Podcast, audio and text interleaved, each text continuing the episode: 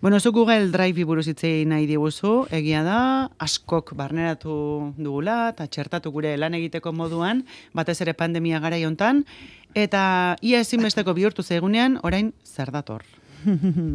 oain datorna kontrola, baina lehen ere batze, basegon, eta oain dator apur bat gehiago, eta horri hori kontatu nahi dut gaur.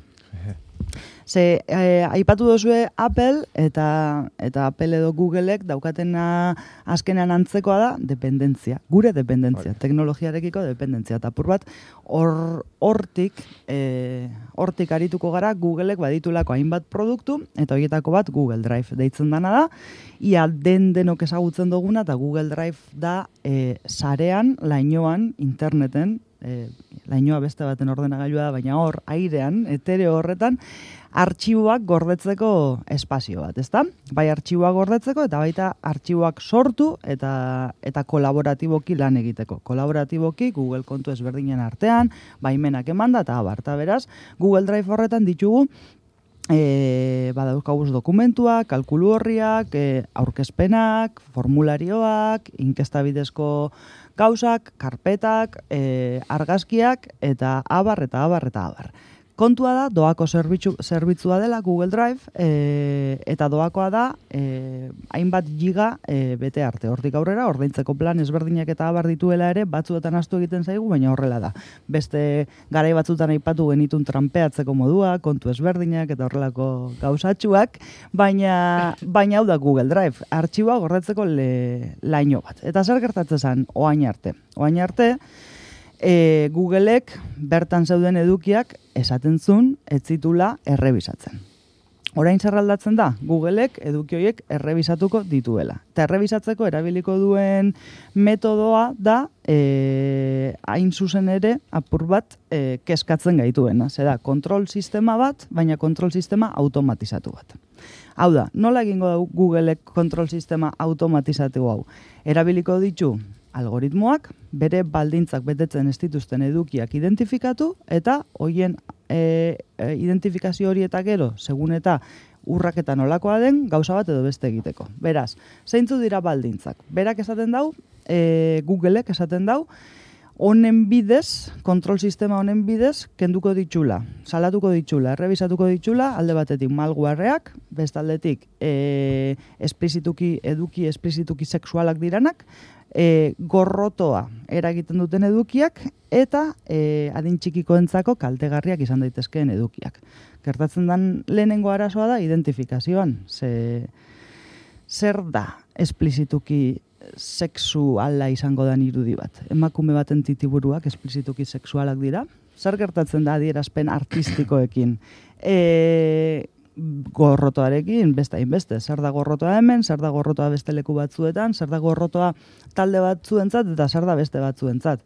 Orduan hemen badago, nolabait Googleek bere gain hartzea, eh, ba, epaile lana. Bai. Mhm. Hasieratik, ez da? Bai, eta eh, oraintxe burura etorri zait, zenbat eh, ikasleak erabiltzen duten Google Drive, ez da? Mhm. Eta pentsa, biologiako edukiak esate baterako. Ba, batzuk izango dira, seksuarekin lotutakoak. Mm Eta bai, horiek bai. algoritmoak hartu eta esabatu egin ditzake? Egia da, Googleek esaten duela, bere e, algoritmo honek izango duela nolabaiteko erabilera artistiko, akademiko eta abarretako sesgoak identifikatzeko mm, baldintzatzaileren bat. Baina, ez dakigu algoritmoa nola dagoen idatzita. Eta nola funtzionatzen dau. Ba, baldintza hauek, aipatu ditugun edukiak e, identifikatzeko, algoritmo batek eskaneatzen ditu Google Drive egotako artxibo guztiak, identifikatzen ditu baldintza horiek betetzen ez dituztenak, eta orduan e, erabiltzaileok, Google kontuaren jabeok, guk igo dugun e, artxibo hori dela eta jakinarazpen ba jasotzen dugu, ba, erabilera baldintzak e, bete ez ditugula adierazteko.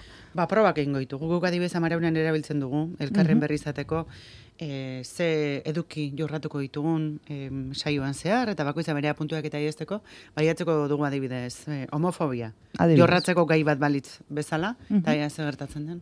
Bai, hemen nik ikusten duan arazo handiena da, ba, beti esan deguna, e, beste baten ordenagailua dela lainoa, ez? Baina kasu honetan ja, ez, gure datuen jabez gara, ez? -hmm. Googleek erabakiko duelako ze datu eduki ditzazkegu gure gure plataforman edo edo ez. Hemen ez dakidana da, bakizue Google Drive daukala aukera Google Drivera zuzenean igotzeko fitxategiak edo baita ere gure disko gogorrarekin sinkronizazio bat egiteko. Baita.